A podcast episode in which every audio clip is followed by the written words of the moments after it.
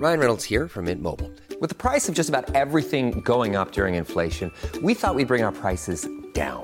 So to help us, we brought in a reverse auctioneer, which is apparently a thing. Mint Mobile unlimited premium wireless. Ready to get 30, 30, bit to get 30, bit to get 20, 20, 20, bit to get 20, 20, bit to get 15, 15, 15, 15 just 15 bucks a month. So, Give it a try at mintmobile.com slash switch. $45 upfront for three months plus taxes and fees. Promo rate for new customers for limited time. Unlimited more than 40 gigabytes per month. Slows. Full terms at mintmobile.com.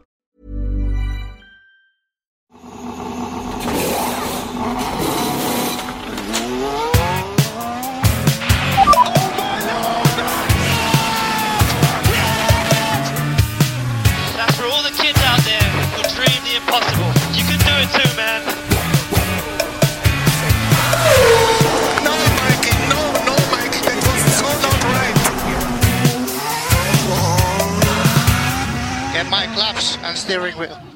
Steering wheel, claps and steering wheel here. Och då står vi här nu i novembers slut, Anna, på on the brink of december och det har inte varit någon F1 och det ska inte vara någon F1. Nu är vi här, mitt i säsongsuppehållet du och jag och eh, alla ni som lyssnar på den här podden.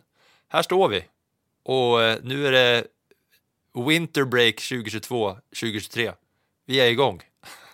Ja, det här är en liten utmaning faktiskt. för Man, är, man lever ju så himla eh, tätt på något sätt med Formel 1 under säsong. Alltså det händer saker och ting hela tiden. Man, hinner, man får, får på något sätt välja vilka nyheter som man ska ha med eller inte. Både när det gäller podd och blogg så finns det alltid, ja, vad, vad ska vi göra, vad ska vi inte göra, vart ska vi gå, eh, vad ska vi diskutera om mer och vad ska vi lägga mindre tid på, vad ska vi bara nämna och vad ska vi nämna på det ena men inte det andra. Och det finns alltid liksom rubriker och snack. Men nu är det som att eh, det tvärdog allting när säsongen tog slut och så dök det upp ett sådär förbannat eh, mästerskap också där 22 män jagar en och samma boll. Kan de inte ta varsin?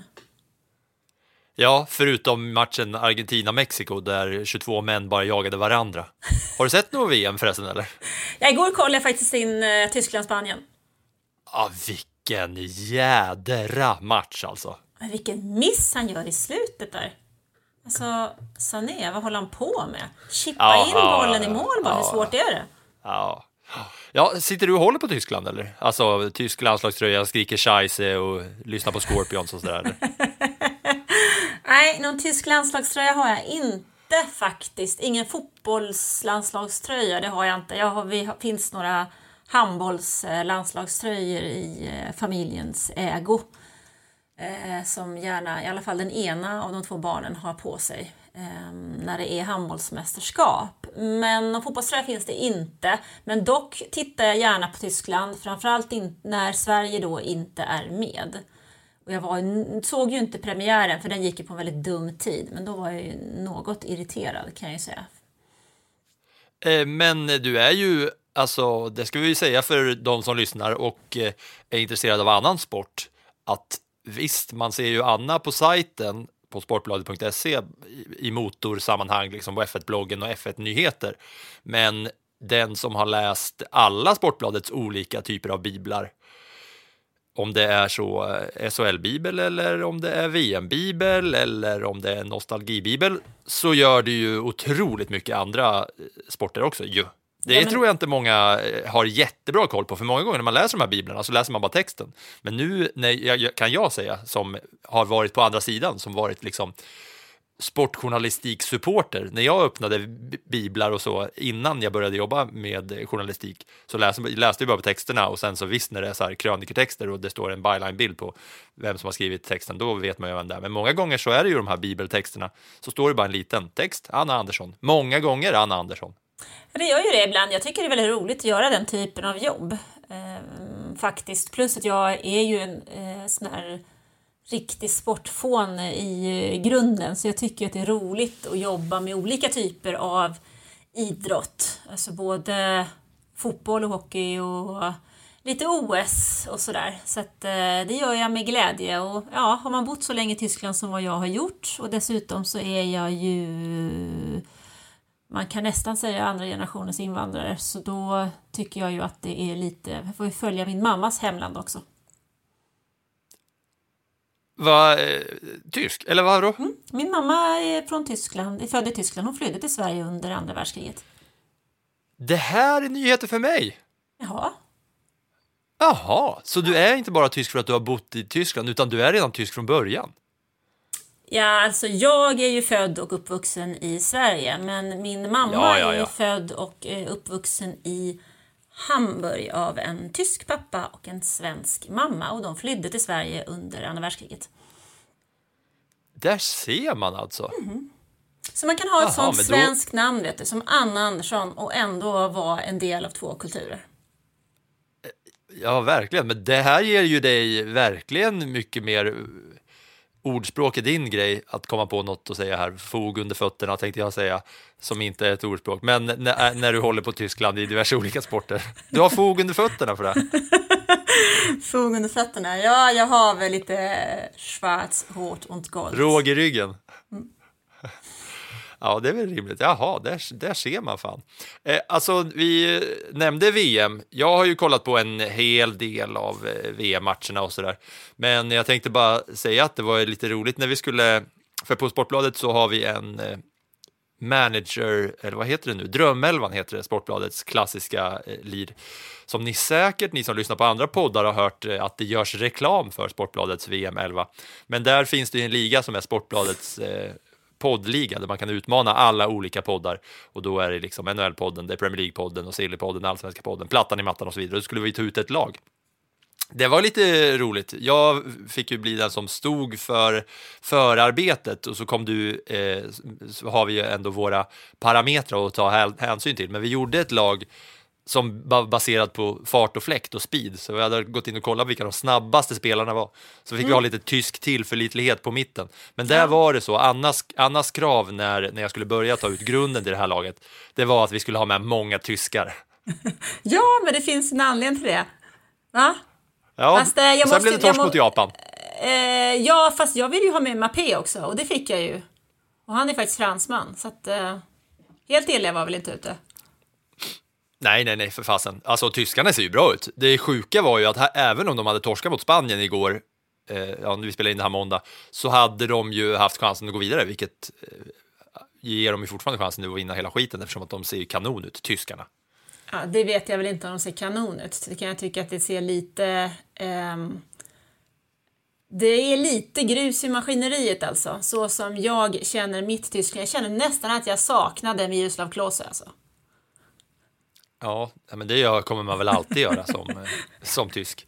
Men, eh, ja, nej, men vi är ju som sagt, vi är ju mitt uppe i ett eh, fotbolls-VM här under, under F1-uppehållet. Men det är ju i de där krokarna och ja, det är väl omöjligt att inte hålla koll på, på VM på något sätt, särskilt när man jobbade med, med det som vi gör. Men, ja, du var du ledsen när de torskade mot Japan, tyskarna, eller? Om jag var ledsen, jag var väl lite besviken kan jag väl säga, för jag tycker ju att eh, man, det, det är en nation som Tyskland ska slå. Samtidigt så är det ju många japaner som, som eh, spelar utomlands numera och det är ju inte riktigt eh, Jerrings japaner, japaner, japaner, japaner, bara japaner längre. Så att, eh, men det, det där fotbolls får ju rulla på. Va? Costa Rica vet vi också, alla som har ett blågult hjärta, att där kan man också snubbla. Det har ju hänt förut. Det har det gjort, 2-1, 2-1, 2-1, 2-1, 2-1 och så vidare. Men eh, ska vi skita i det här jävla VMet och snacka lite, lite F1, det som, det som finns att säga. Vi har ett avsnitt idag där vi tittar tillbaks lite på hela säsongen som helhet. Och om vi ska in på F1-säsongen så har jag, eh, så har det ju hela säsongen har det ju handlat om vem som kör snabbast, vem som tar sig i mål först, vem som vinner hela skiten och så vidare. Men jag har hittat eh, någon galning här som har fört statistik under säsongen och gjort ett omvänt mästerskap som han alltså kallar för DNF Championship. Och då är det alltså Did Not Finish Championship. Och det är inte så enkelt som att man bara vänder upp och ner på hela, på hela F1 eh, standing-tabellen, utan det är gjort så här va, att eh, did not finish världsmästerskapet så är det så att den som avbryter loppet först får 25 poäng. Så poängen är omvända. Den som avbryter loppet först får 25 poäng och nästa är 18 poäng eh, och så fortsätter man eh, sådär. Och så är det baserat på ja, vilka som liksom kraschar ut sig eller som får motorproblem. Och då är det så här, mästaren i Did Not Finishes är Carlos Sainz som eh, slår Fernando Alonso med fyra poäng. Och då, det här var lite som en chock för mig när, man, eh, när jag kollade igenom allt det här. Det är alltså att Carlos Sainz är den som har tagit flest poäng sett ur ett did not finish perspektiv. Ja men alltså de två skulle vara i toppen kändes ju ändå tycker jag är rätt givet när man har sett den här säsongen. För att eh, Alonso, han måste ju vara den förare som har gråtit flest tårar över en bil som inte har fungerat. Och Sainz eh, har vi också hört svära på sin brutna engelska vid ett antal tillfällen när man har lyssnat på radiotrafiken. Så de två känns ju rätt, rätt givna. Plus att eh, Ferrarin har ju känts otroligt fragil hela säsongen. Det har känts som ett sånt här paket du skickar med glas liksom på posten. Ja, det är helt sjukt. Jag har, en, jag har en tabell här framför mig nu hur många varv som har genomförts av varje förare. Och då är det alltså, det är väldigt rött nere hos eh, Carlos Sainz. Han är ju alltså den då som har genomfört minst varv av alla under hela säsongen. Det var ju så, i början så körde han genom Bahrain, Saudiarabien körde han igenom eh, alltihopa. Sen så i Australien så blev det ju bara ett varv, då var han klanta sig själv. Sen så är det Emilia Romana, där var det noll. Och sen så var det åtta varv i Azerbajdzjan, så var det 56 av 70 i Österrike, så var det noll i Japan, det var ett varv i USA. Men ut, utan att se den listan som du har framför dig så skulle jag tippa på att det ligger två stycken Ferrari-motorer i topp om du tittar på eh, teamen. För känslan efter den här säsongen är ju att det är Ferrari och det är Alfa Romeo som har haft det absolut svårast eh, att ta sig hela vägen in eh, och varit tidiga med att bryta. För om jag kikat rätt och kommer ihåg rätt så har ju Alfa Romeos höstsäsong var ju helt bedrövlig. Och lägger man där till Joes eh, kollision i Storbritannien när han försvann så himla snabbt så måste de ligga i toppen av den där tabellen. Mm. Det, det stämmer faktiskt. För eh, vi ska bara ta förartoppen här i, i DNF-mästerskapet. Carlos Sainz 1, Alonso 2, Joe 3, Synoda 4. Eh, och sen då omvänt, då eh, ska man ju ge det till eh, George Russell som bara har 15 poäng här. Han är ju alltså den, eh, den mest eh, tillförlitliga av allihopa här när det kommer till just hur poängen räknas. Sen är det Max Verstappen som har kört flest eh, varv, tror jag, av alla. Han har kört 1339 varv, Verstappen. Men Russell har alltså minst poäng här, vilket gör honom till ja, förlorare i DNF-mästerskapet. Men i konstruktörerna så är det Alfa Romeo och Ferrari och Williams högst upp. Och då är, betyder ju det alltså att det är två stycken Ferrari-motorer som är etta, tvåa. Och Mercedes är mest eh, tillförlitliga av alla, för de kommer sist i konstruktörerna mm. i det här omvända mästerskapet. Mm. Zuverlässigkeit, har jag sagt det förut eller? Mm, jag har sagt det också, Zuverlässigkeit. Precis, tillförlitlighet. Ja. Ja, nej, men så man får ju gratulera Carlos Sainz då, eh, som blir DNF-champion under hela den här säsongen. Tror Max kan... Verstappen, han, han kommer trea från slutet. Det är alltså Russell och Con Verstappen som, eh, som har minst poäng då i det här. Mm. Men tror du verkligen att eh, Carlos Sainz vill ha ditt grattis efter det där? Verkligen, verkligen inte. Det är kul för honom att få vinna någonting i alla fall. Ja, Apropå att vinna någonting så är det inte så många som har vunnit. Vart fasen var det jag såg det? Eh, alltså jag kollade igenom alla podiums under hela den här säsongen. Vet du hur många förare som har vunnit ett race? Hur många förare det är som har vunnit ett race? I år. Po, po, po. Oh, nu måste jag ju börja Sätter räkna. på potta, men det är lite kul att lyssna på. Ja, det är jätteskojigt när du gör det. Jag får ju börja räkna mm. här och tänka efter. Vad har vi? Vi har ju Verstappen. Vi har ju Leclerc. Vi har Perez. Russell. Sainz vann ett i somras. Det är fem. Han vann Storbritannien, ja. Ja, precis. Ja, Sen- och det, sen är det stopp där. Ja för, Ham, stopp. ja, för Hamilton har inte vunnit någonting och vi har inga överraskningar överhuvudtaget den här säsongen. Så att, eh, Det är så jäkla sällsynt att vinna ett race så att bara fem förare har vunnit ett race den här säsongen. Och det är som du säger, det är Leclerc vann första, Verstappen andra, Leclerc igen, sen var det en hel del Verstappen, Perez vann två stycken, Sainz vann ett, Russell vann ett. Det är sjukt ändå. Och kollar man då podium så är det bara en enda mittfältsförare som har tagit en pallplats. Vet du vem det är? så en enda mittfältsförare som har tagit en pallplats. Ja, alltså då säger jag alltså inte, inte Red Bull, Ferrari eller eh, Mercedes. Av alla pallplatser under hela säsongen. Hur många race är det på en säsong? Det är 22 race va? Eller 21 Ja, race?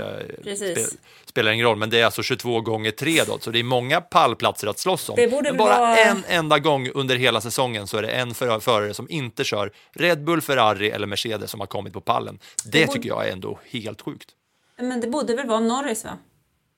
stämmer mycket bra. På Emilia Romana Grand Prix så var det Verstappen etta, Perez tvåa, Lando Norris trea.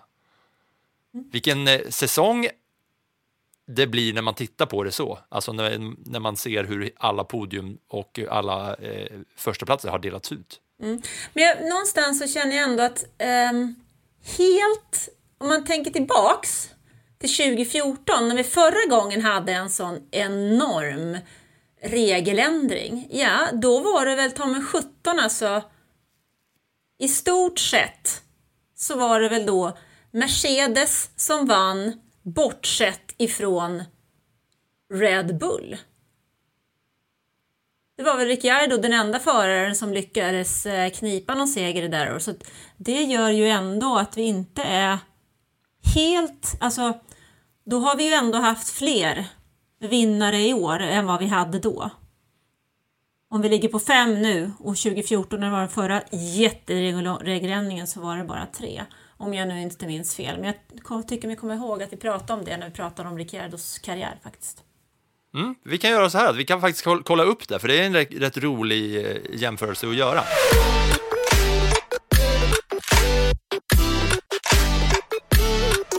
Filip, jag kikade efter här och jag hade ju faktiskt rätt. Eh, det är ju faktiskt bara Rosberg, Hamilton och eh, Ricciardo som vann lopp överhuvudtaget det där året 2014. Eh, Ricciardo vann tre lopp. Han vann i Kanada, i Italien och i... Nej, förlåt. I Ungern och i Belgien. Mm.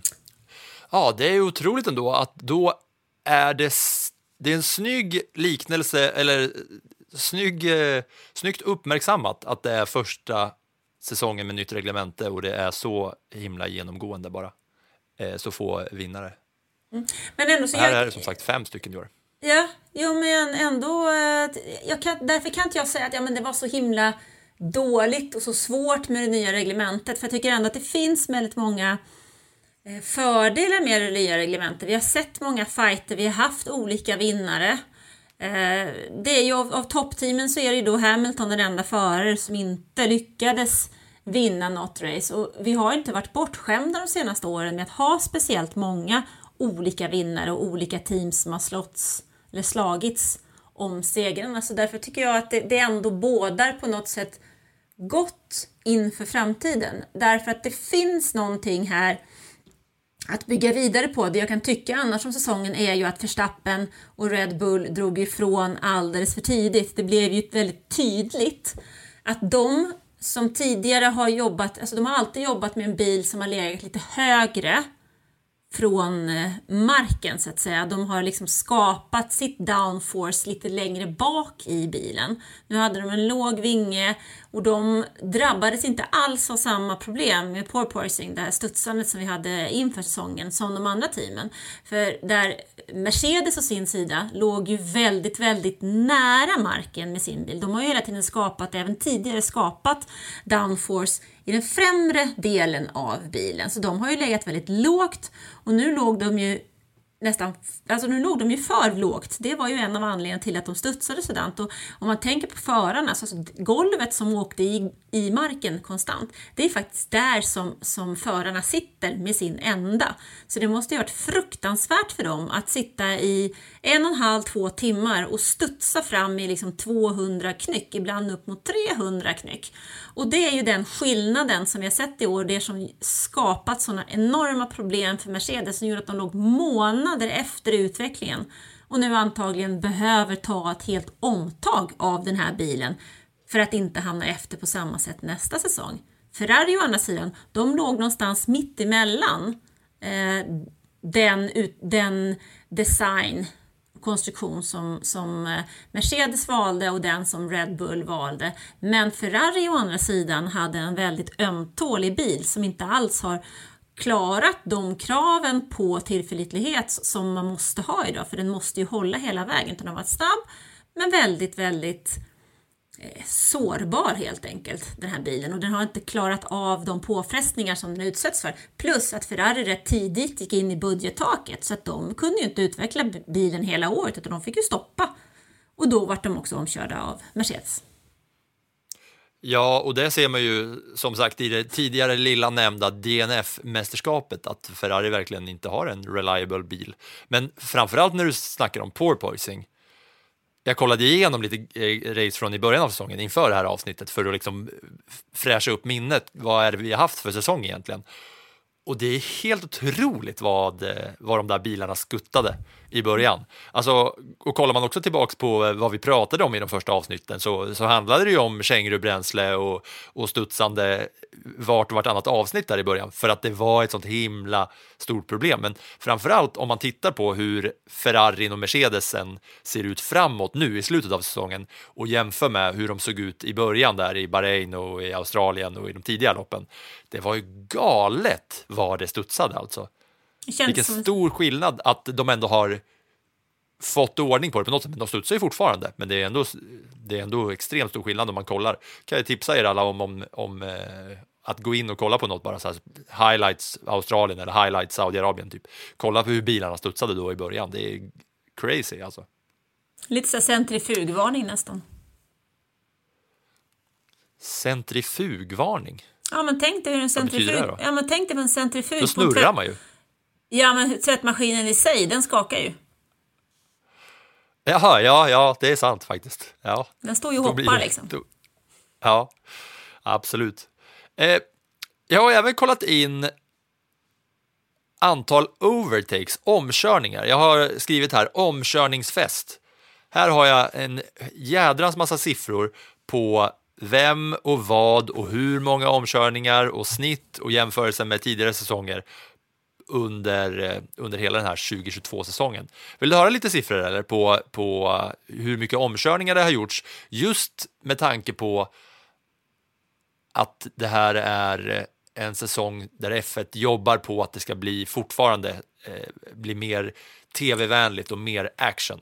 Mm. Är de siffrorna, inkluderar de siffrorna sprintracen eller inte? Så här är det. Alla de här overtakesen är från vanliga lopp och inte sprintrace. Mm. Eh, och då är det kul att se. Frågan om man ska eh, börja med att kika på bara eh, är så här. Hela 2022-säsongen så har det varit 997 omkörningar. Vilket nästan gör att det tusen. blir... Ja, nästan tusen ja. Det är alltså ett snitt på 45,3 omkörningar per säsong. Och det är flest omkörningar under en hel säsong sedan 2016. Och då är det alltså, visst det var väldigt liknande, eh, det är 0,1 mer än vad det var 2019 visserligen. Men då är det procenten och då är det inte antal omkörningar baserat på att det är ju fler race som körs under, eh, under tiden. Eh, och eh, det är väl intressant bara det, att det är flest omkörningar på, vad blir det nu, sex år. Men det har, ju också, det har ju också att göra med att det numera går att köra om på ett annat sätt. Det var ju med det förra reglementet nästintill omöjligt för att man pratar om den här smutsiga luften som fanns bakom bilen vilket gjorde att det inte gick så lätt att komma nära. Och en av, en av målsättningarna med det nya reglementet var ju att den där smutsiga luften skulle bort så vi skulle kunna få se fighter. Och det tycker jag faktiskt att vi har gjort. För för ett år sedan så, så var det så att man satt och var lite sur för de hade kanske en möjlighet att köra om och missar man den då så kunde man inte komma tillbaks. Men så har det ju inte varit i år utan det har faktiskt varit, vi har ju sett riktigt bra racing mellan två förare och ibland även tre under säsongen och det tycker jag verkligen har varit en, en positiv detalj. Ja, och det blir ju då facit på att det faktiskt eh, går åt det hållet som F1 vill. Att det ska bli mer actionladdat och att det ska bli eh, mer dramatiska situationer under säsongen. Eh, det, var, det var det totala alltihopa. Sen har jag även här eh, vem som har gjort flest omkörningar av alla under hela säsongen. Här har jag topp fem. Vill du höra den eller vill du gissa dig lite? Jag kan lyssna på den. Ja, den som har gjort flest omkörningar under säsongen är Fernando Alonso med 71. Tvåa är Hamilton på 63. Trea är Yu Zhou på 62. Fyra är Sainz 61. Femma är Verstappen och Stroll på 57. Ja, Vad säger du om den topp femmen i de som har gjort flest omkörningar? Alltså, Det två... är ju såklart man ska mäta Verstappen startar flest gånger längst fram och så vidare. Men Ja, alltså, det är lite så tänkt. Vi har ju två e- riktigt, riktigt erfarna killar där faktiskt i- täten. Alonso och Hamilton. De vet ju hur man kör bil och de vet hur man kör om. Eh, däremot eh, Verstappen, ja, han har ju gjort, gjorde ju många eh, riktigt checka omkörningar när han startade väldigt långt bak och ändå tog sig upp igenom fältet och vann under sommaren. Men annars så startar ju han längst fram så han behöver inte göra så många omkörningar för att ändå vara först. Det är lite så som han har ju getts, getts färre lägen. Ja, precis. Ja, men det är lite så som, som eh, Hamilton har regerat under många år och man har sett att ja, tidigare år så ibland så var det liksom Kimi Räikkönen som gjorde flest omkörningar. Ja, men det berodde bland annat på att han i en Alfa Romeo startade betydligt längre bak än vad en Fernando Alonso exempelvis gjorde. Men jag tycker det säger någonting ändå att man ser då Alonso och Hamilton längst upp på 71 eh, respektive 63 eh, omkörningar. Men sen så har vi vår kinesvän Yu Zhou bara på en omkörning mindre än Hamilton, en mer än Sainz. Det tycker jag ändå säger någonting om hans eh, körduglighet och bilens rel- reliability, tillförlitlighet. Att om man tar då DNF-mästerskapet som jag snackade om först, där Alfa Romeo är överlägsen etta, det vill säga eh, har minst reliable bil, och sen Joe då med tredje flest omkörningar av alla i hela griden. Ja, vad hade han gjort med en bil som hade hållit ihop? Exakt så var min, min tanke, men du var bättre på att sätta ord på eh, precis det jag tänkte. Så är det, det känns som att eh, där, om man, man kanske har underskattat honom lite för att det här är ändå eh, fakta på något sätt. Jag tror nog att vi har um- underskattat Joe lite. Han är ju väldigt eh, högt rankad inom sitt team. Eh, men det är väl lite sådär...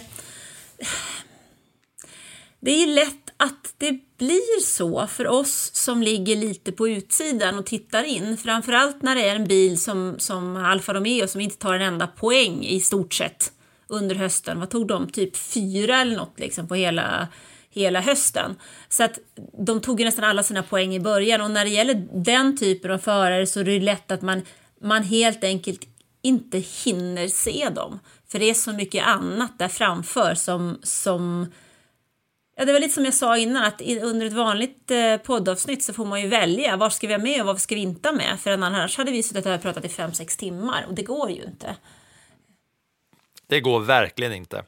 Nej. Och då blir det ju mellanmjölken man väljer bort.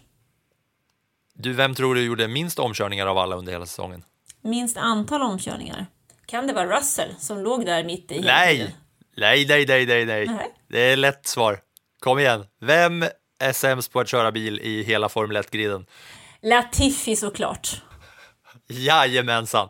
Han är den som körde om minst bilar. Vad säger man? Färst. Flest är mest och minst är färst. Minst Färst. antal. Säger man så? Det är ju Ja. har jag hört talas om. Men det, det, Färre. Lite färre färskt. Är det inte så? Ja, det där ordet känns ju som att du får skicka in till akademins, eh, Svenska Akademin så får de göra en bedömning på det. Ja, ja det, det får vi säkert göra. Men han körde bara om 19 gånger den här säsongen. Ja, men du ser ju, man kommer ju inte ens ihåg karln. Säsongen slutar för en och en halv vecka sedan och jag har redan raderat honom från all- allt minne liksom. Ja, eh, då, ska vi, då ska vi titta på de, som har, de förarna som har blivit omkörda flest gånger. Där har jag också topp fem här. Vill du gissa eller vill du lyssna? De som har blivit omkörda flest gånger. Ja. Det måste ju vara mitt i fältet någonstans. Du har kvalat bra och sen rasar du. ja, du resonerar helt rätt. Helt rätt resonerar du. Men vad kan det vara? Haas kan det ju inte vara för de har ju inte kvalat något vidare värst överhuvudtaget. Kan det varit en eh, McLaren kanske? Ricciardo? Nej, du, alltså, du tänker rätt från början, men sen när du säger Haas så glömmer du bort att de har faktiskt kvalat rätt bra, Magnusson Den- och Schumacher. För de är överlägset etta och tvåa här i mest omkörda bilar under hela säsongen. Magnussen har blivit omkörd flest av alla. 101 gånger har han blivit omkörd och Schumacher är tvåa på 99. Det är liksom utklassning av resten av fältet. Latifi trea på 79, Stroll fyra på 67 och här kommer Joe igen.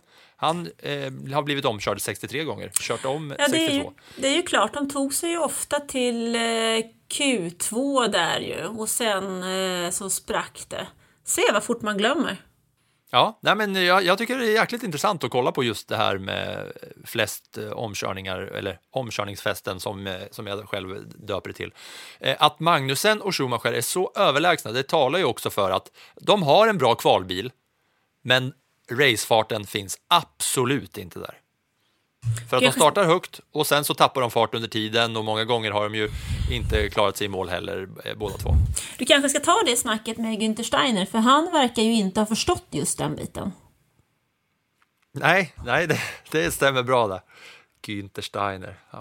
Jag ler lite varje gång som ordet ens dyker upp. Den som har blivit minst omkörd av alla under hela säsongen är Carlos Sainz. Ja, vilket det- är en sjuk siffra. Sju! Han Ja, blivit han- omkörd sju gånger. ja, men han parkerar ju själv.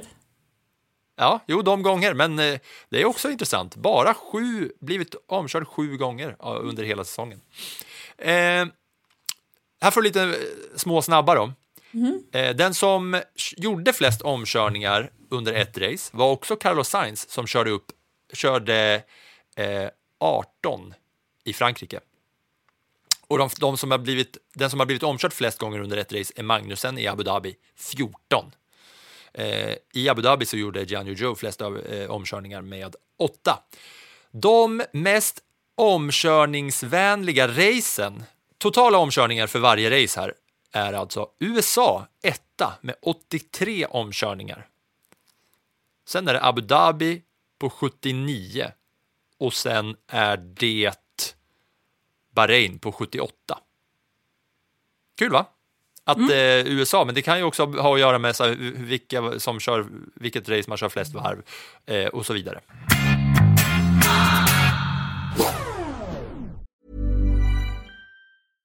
Hey, I'm Ryan Reynolds. At Mint Mobile, we like to do the opposite of what Big Wireless does. They charge you a lot, we charge you a little. So naturally, when they announced they'd be raising their prices due to inflation, we decided to deflate our prices due to not hating you. That's right. We're cutting the price of Mint Unlimited from $30 a month to just $15 a month. Give it a try at mintmobile.com slash switch. $45 upfront for three months plus taxes and fees. Promo rate for new customers for limited time. Unlimited more than 40 gigabytes per month. Slows. Full terms at mintmobile.com.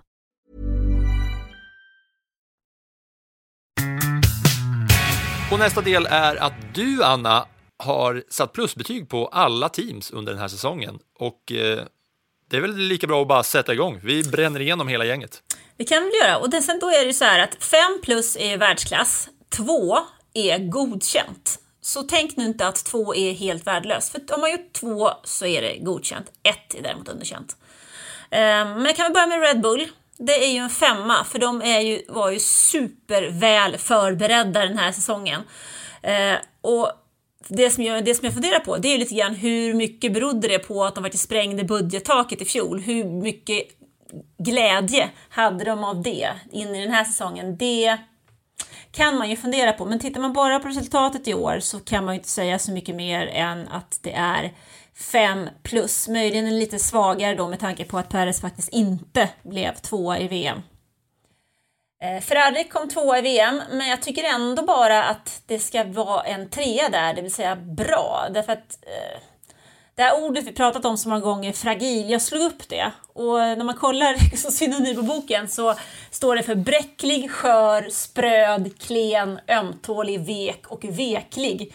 Det känns ju inte som en F1-bil Allt direkt. stämmer.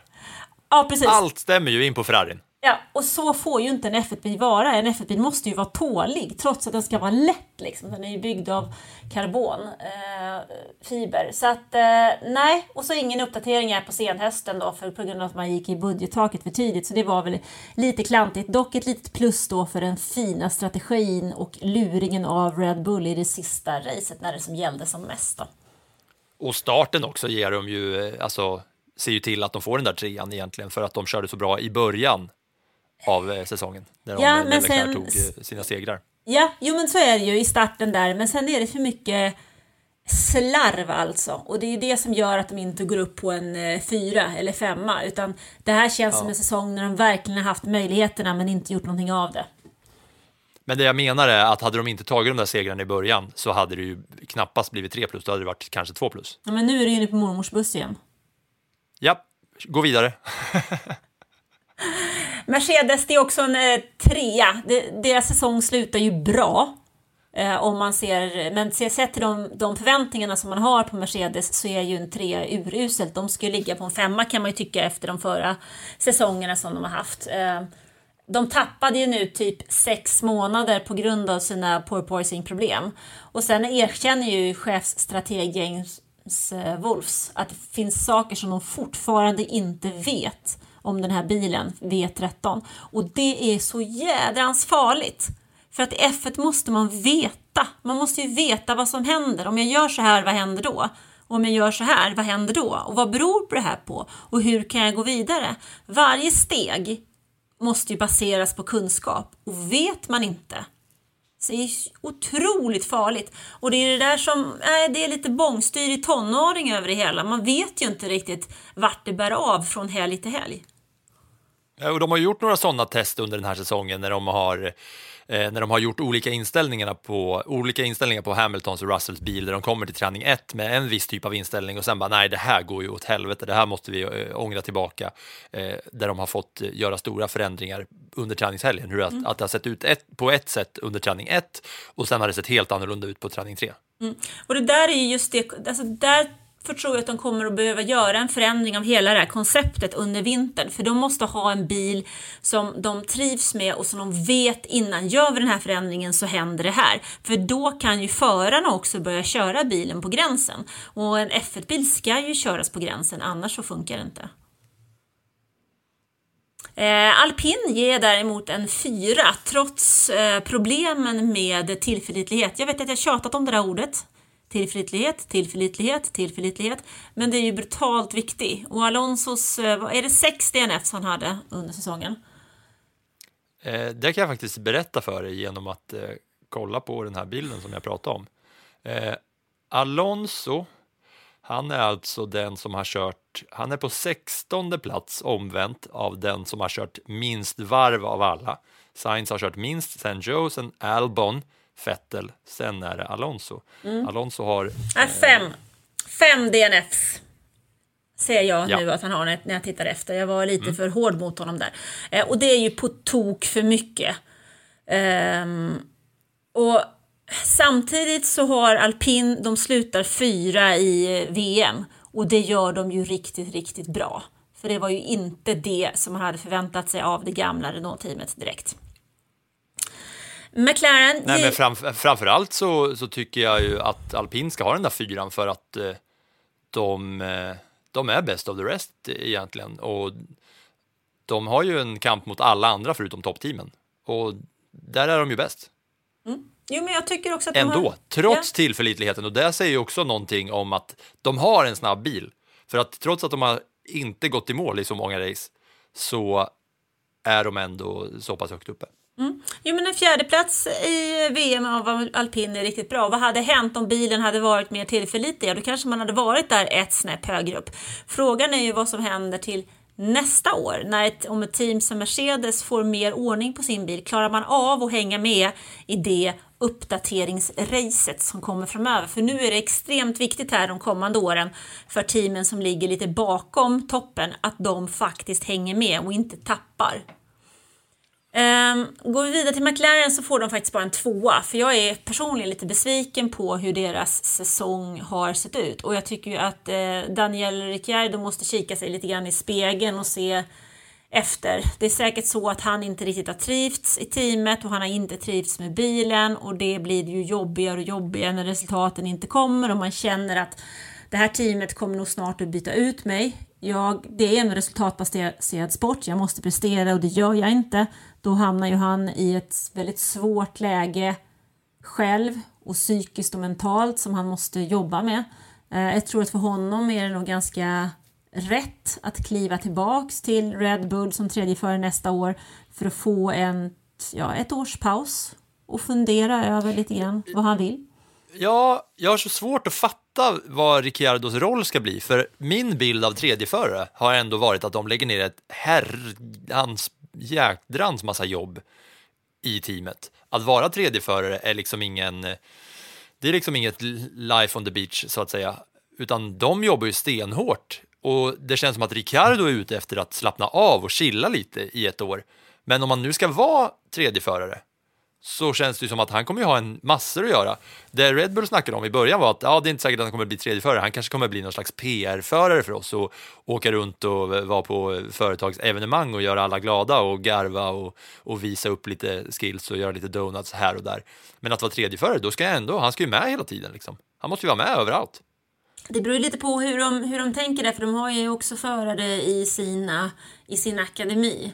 Eh, det kan ju tänkas att man vill använda sig av Liam Lawson till exempel lite mer och att de yngre förarna får ta en större del av simulatorsjobbet och ett större ansvar för det. Jag vet inte riktigt hur de har, har tänkt där, men jag tror att de måste hitta något sätt för att få Daniel Ricciardo att komma på rätt ställe i livet igen, för att annars har de ingen glädje av honom. Nej, jag tycker definitionen av tredjeförare här är ytterst luddig. Men jag tror inte Sett att den är hur så... verkligheten borde se ut. Ja, men jag tror inte att den är så luddig för Helmut Marko och Christian Horner. De har nog en plan. Och deras planer Ja, brukar ju det- inte vara luddiga. Det räknar jag med. Du, Alfa Romeo, de ger faktiskt en trea. För en bra start räckte till att de tog teamets bästa placering på 10 år. Men å andra sidan, fyra poäng efter Storbritanniens GP, det är ju för sjutton värt en eh, etta. De höll ju på att bli uppätna av Aston Martin på målrakarna. Det var väl eh, Bot- var det Bottas femte plats på Imola som gav dem den där sjätteplatsen i VM. Så att... Ja. ehm, mm, De landade på samma poäng, eh, ska sägas, de två teamen. Aston Martin och Alfa Romeo, absolut 55 var. Ja. Och då var det liksom placering i eh, den högsta placeringen i ett lopp som avgjorde. Och eh, de tänkte ju rätt Alfa Romeo på ett sätt och det är att du ska vara med när säsongen startar. För oftast är det väldigt, väldigt viktigt att ta poängen under början av, kan du ta lite billiga poäng i början av säsongen och det gjorde de ju helt rätt. Så det var ju det som, som ledde fram. Och de var ju med i början också, för jag kommer ihåg att vi pratade om färgskrapning och eh, viktfördelning i början av den här säsongen. Och då var det ju så att Alfa Romeo var det enda teamet som faktiskt eh, hade sin bil på weight limit. Att alla andra bilar var alltså tyngre än vad de önskade sig själva att vara. Jo, men Eller de- hur? Visst var det men- så det var? Ja, men de gjorde ju en jättebra inledning av säsongen. På de första en, två, tre, fyra, fem, sex, sju, åtta, nio racen tar de ju alla poäng de tog för säsongen utom fyra, så de var uppe på 51 poäng redan där. Eh, och då var vi liksom framme i juni. Va? Så att eh, första det är, delen... Frukt, det är otroligt vilken, vilket dåligt avslut det är på säsongen för dem. Alltså. Ja, och det är lite det som gör att hade de inte haft en sån katastrofal urusel avslutning av säsongen så hade de ju åkt upp. Nu får de en trea för bra, för man, man kan inte sätta något annat. Men skulle man dela upp deras säsong i två så skulle ju första delen av säsongen vara fyra poäng och eh, avslutningen en etta. Ja, för de är ju över 100 poäng bakom McLaren, men efter, alltså, de måste, de måste ju legat nära när de väl var uppe där som du säger på 51 poäng i, i början. Ja, men Och precis. sen bara totalrasat. Ja, och stod, stod då Alfa Romeo för eh, den här uppdelningen, fyra poäng för, för eh, våren och ett för hösten, så gör ju Aston Martin precis tvärtom. Så de landar ju också på tre poäng. För de har ju en etta för sin inledning av säsongen, för då vet jag att vi pratar om den här sköldpaddan. Och tittar man på Australiens GP, där hade de inte tagit en enda poäng fram till det tredje loppet. Liksom. Och de var ju liksom tvärsist. Och att det teamet skulle sluta sjua i märkes-VM och vara jätte, jättenära en sjätteplats är ju egentligen helt otroligt. Och jag tror ju att Fetter har betytt väldigt, väldigt mycket för det här teamet och deras sätt att hitta tillbaka. Då ska vi komma ihåg att Fetter var faktiskt inte med i säsongsinledningen för han hade var sjuk i covid. Så att eh, det var ju Nico Hülkenberg som startade den säsongen. Ja, jag, alltså det är ju, man kan ju nästan ta det man säger om Alfa Romeo, invertera det och applicera på Aston Martin så har man, eh, så har man summerat deras säsong också. Ja, precis. Jo, men det är tvärtom bara. De har ju gått precis åt två olika håll och slutat på samma ställe. Eh, då ska vi se. Det gör ju att det blir spännande inför nästa säsong i alla fall med tanke på att de är på väg uppåt med nu en inkommande incoming Fernando Alonso. Ja, och sen får vi se här. Alfa Romeo eh, ska väl vara med ett år till va? Och sen kommer väl Audi in i det där teamet. Så får man se vad det också har för betydelse för Alfa Romeo. Ja, jag har också, jag har också funderat på det där om det börjar demonteras nu, alltså att de börjar liksom, ja, ja, nu kör vi bara, i- nu kör vi igenom det här bara så vi ska inte vara med längre ändå sen så. Ja, det blir spännande att se. Mm. Sen går vi in till Haas. Och de gjorde ju precis som Alfa Romeo en bra inledning av säsongen. Men jag vet inte om den här taktiken med att skapa konflikter och lägga press offentligt på förare är sådär superbra egentligen. Jag tycker inte att det känns som att det har gett eh, något extra i alla fall. Det är ingen som har känt någon eh, trygghet i det där teamet. Eh, I alla fall en av de två förarna har ju verkligen inte getts möjlighet att känna någon trygghet. Nej, han försvinner ju också, men jag undrar vad det har gjort eh, på totalresultatet. För dels så har ju bilen som vi sa innan då varit väldigt, väldigt kvick i kvalen, men inte alls varit där i racen. Eh, det har också varit en hel del misstag liksom i depån och sånt under säsongen. Så det känns, har inte känts som att det funnits harmoni hos Haas. Men det kanske inte är harmoni som Günther Steiner söker direkt. Ehm, sen går vi ner på Alfa Tauri och de får en Ja, de får en tvåa, men den är sjukt svag alltså. För att jag är lite besviken. Jag tycker att är man systerteam någonstans, är man systerteam till Red Bull och har så mycket möjligheter att samarbeta, man har förare som har kontrakt med båda teamen, så ska man 17 inte komma näst sist. Det måste vara betydligt, betydligt bättre. Ehm, de har känts bleka, intetsägande. Gasly har ju varit mest eh, frustrerad och förbannad och är nog mest glad över att han ska till alpin nästa år.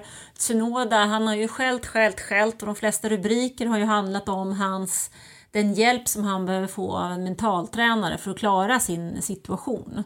Ehm, ja, nej, det är besvikelse Ja, jag tycker ju att jag tycker ju att Alfa Tauri har varit dåliga på ett tråkigt sätt. Om du förstår vad jag menar. Alltså kollar man, Williams är ju dåliga, men de är ju dåliga på ett tydligt sätt med att de har en förare som inte hör hemma, hör hemma där. Haas har varit dåliga på, på sitt sätt. Det har ju ändå varit lite roligt att de har haft sån bra kvalstyrka men en dålig, dålig racingbil. Alfa Romeo har ju varit dåliga på slut, alltså de, deras dåliga del har varit lite rolig och enkel att liksom eh, klippa ut så att säga. Men medan Alfa Tauri är bara så här, äh de är bara, ja som du säger, intetsägande. Det har inte varit, det har inte, de har inte varit dåliga på ett kul eller spektakulärt sätt överhuvudtaget. Det är så svårt att liksom pinpointa. De är bara allmänt lite långsamma. Nej, men det har inte varit någon tjur i det där teamet i år. Det har varit mer varit en grå mus liksom. Grå mus, vad heter det? Vad, he, vad är en lilltjur? Det är kalvtjur. Knappt va? Kalvföl.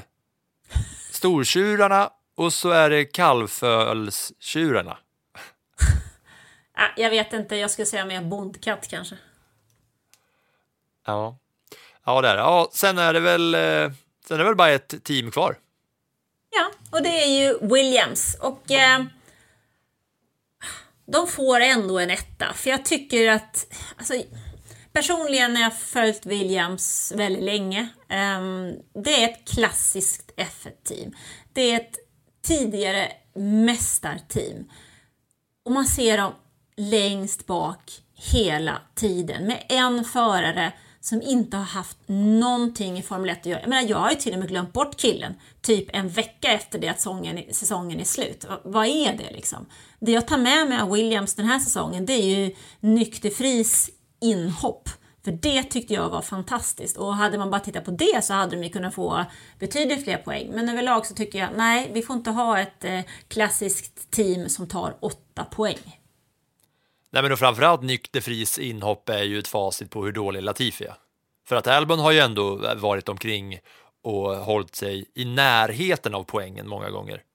Medan Latifi har bara legat längst bak och, och puttrat på men ja, i en långsammare fart än alla andra och bara han, var, han har ju varit körd redan innan racet har börjat. Medan Albon har man ju ändå kunnat slänga ett öga på lite då och då. Hur går det för Albon? Liksom? Han, har ju, han har ju haft de där, han har ju haft den där Williams-bilen med lite fart under, under gummit i alla fall. Och som sagt, när De Vries kom in så var det ändå så bara, jaha, nej men det går ju att köra den där bilen faktiskt, på sättet mm. som han gjorde det. Mm. Ja men absolut, jag, jag, ser fram emot nästa säsong och få se eh, vad Nykterfris kan göra i en Alfa Tauri och lite vad som händer när Williams blir av med eh, Latifi. Vad kan Albon och Slogan Sargent göra i en Williams? Det blir lite spännande att se. Och de kan pusha varandra lite och eh, dra fördelar av att eh, den andra faktiskt kan köra. Komma med lite tips sinsemellan. Kanske de inte gör, men eller så kanske de gör det och, och gör att de växeldrar lite tillsammans. För nu har ju Albon fått köra själv.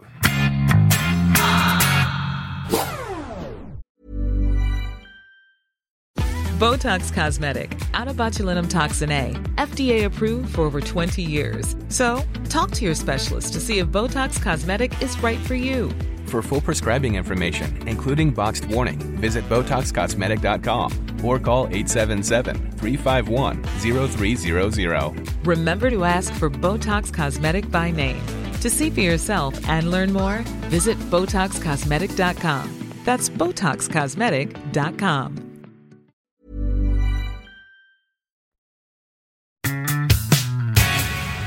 Men du, sen har jag faktiskt noterat eh, också här, jag har faktiskt tre saker som jag tar med mig från den här säsongen. Och jag tänker, jag nämner dem för dig och så får du eh, lägga till vad du vill och eh, kan. Och det första som jag tar med mig från den här säsongen, det är de nya reglerna. För jag tycker att det har varit många kul fighter. Vi har sett eh, flera bra omkörningar i mittfältet och det jag framförallt gillar, det är, kommer du ihåg DRS-schacket mellan Verstappen och Leclerc i början av säsongen? Då bara njöt man ju i soffan. Det som var med det där var ju att man fick ju såna jäkla förväntningar på hur den här säsongen skulle komma att bli. Mm. För att man kommer från Abu Dhabis avslutningsrace 2021 och kommer in i att de liksom, de matchar ändå den nivån som sattes på förra årets avslutning med de första två, tre racen i alla fall. Det var ju det var ju så att när, när säsongen började där och det var kamp mellan Verstappen och Leclerc så kändes det som att aha, är det så här kul det kommer bli den här säsongen? Jag ska hänga med på det här tåget. Så det var ju de förhoppningarna man hade sen. Sen, sen släppte ju det där lite när, ja, när Ferrarin började ge upp och, och Verstappen körde hem race efter race. Men det var ju någonting som var nytt. Sättet som, sättet som man såg dem köra och bromsa in varandra inför DRS-mätningarna när Verstappen och Leclerc var, var jämna. Och det var också nu när jag kollade igenom så här highlights från säsongen, tidigare race och sådär. Det var puls där i början Mm, på de eh, racen och det är stor skillnad om man tar de där första två och sen snabbspola fram till säsongen framåt uppehåll, eh, säsongs, eller sommaruppehållet. Mm. Att det är rätt stor skillnad på racingen. Mm. Jo men det tycker jag ändå. Jag, jag, någonstans känner jag mig ändå positiv och vi får se alltså, till vad vi kan komma att få se till nästa år. Jag har någon slags förhoppning om att vi har tre team i topp, Ferrari, Mercedes och Red Bull, som kanske till och med kan utmanas av en eh, alpin eller en McLaren till nästa år. Där tror jag i och för sig att alpin har ju gjort ett litet nedköp när de släpper eh, Fernando Alonso som är en gudabenådad racer till eh, Pierre Gasly som inte riktigt eh, håller samma höga nivå där. Jag håller med. Men eh, det tar man ju med sig från den här säsongen. DRS-schacket i början av eh, säsongen var ju otroligt. Och förväntningarna som man fick då. Och sen tänker jag på porpoising. Det var ju ett ord som man inte har hört sedan innan du föddes liksom. Nej, och vi satt ju i början av säsongen när vi pratade om porpoising och försökte lista ut vad är det för vad är det för ord? Hur ska man uttala det? Hur ska man säga det? För det var, för det var ju nytt. Och då, vi var ju inne på det, kommer jag ihåg nu, när du började snacka om eh, eh, centrifug. Och det sa vi ju, tumleri. Ja, tumleri, Då. tumlera sa vi då. Nej, men det är ju det eh, som det handlar om. Men samtidigt så är det ju så här eh, att det här med ground effect, det är ju ingenting nytt. Det hade ju bilarna på 70-talet och 80-talet. Och man Som Stefan Lillövis Johansson sa i eh, vårt gästavsnitt, lyssna på det om ni inte har lyssnat på det. Scrolla tillbaka och lyssna på Lillövis. Han pratade ju om det, att det här är ju, han var ju chockad över att de hade så dålig koll nu, för att det har ju, som du säger, det har ju hänt förut. Men det måste ju vara, alltså om man tänker till här så måste det ju vara så att när de fick reglerna, gjorde, gjorde det här, så gjorde de sina tester i vindtunneln och i sina, sina olika dataprogram. Eh, och sen så fick de nog ett svar där, men sen så tillkommer ju då naturligtvis däck och andra saker på banan och väderförhållanden och sådana saker och då hände någonting helt annat. Lite backe upp och lite backe ner och små eh, skillnader i höjden. Ja, och det är ju inte första gången som ett team fått eh, ett resultat från vindtunneln och något helt annat när man kommer till banan. Så att eh, det där händer ju ibland. Och det var lite, det där kommer vi definitivt inte att glömma.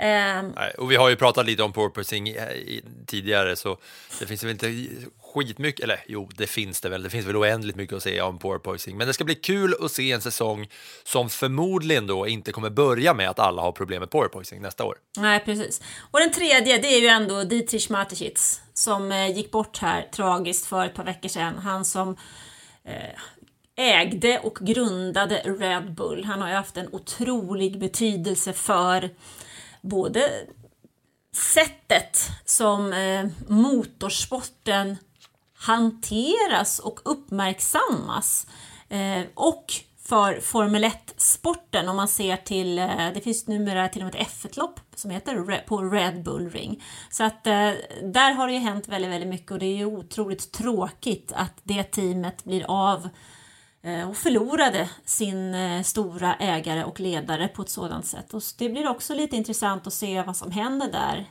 tiden efter Mateschitz.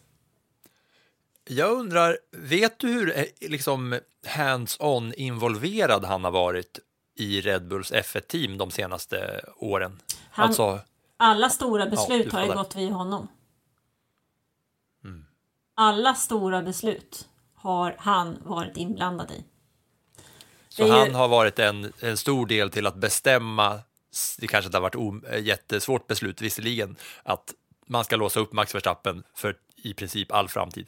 Alltså, eh, på banan så är det ju Helmut Marko och Christian Horner som tar besluten, men över dem sitter ju då, satt då Dietrich Mateschitz och han var ju absolut involverad. Det är inte bara så att han har haft någon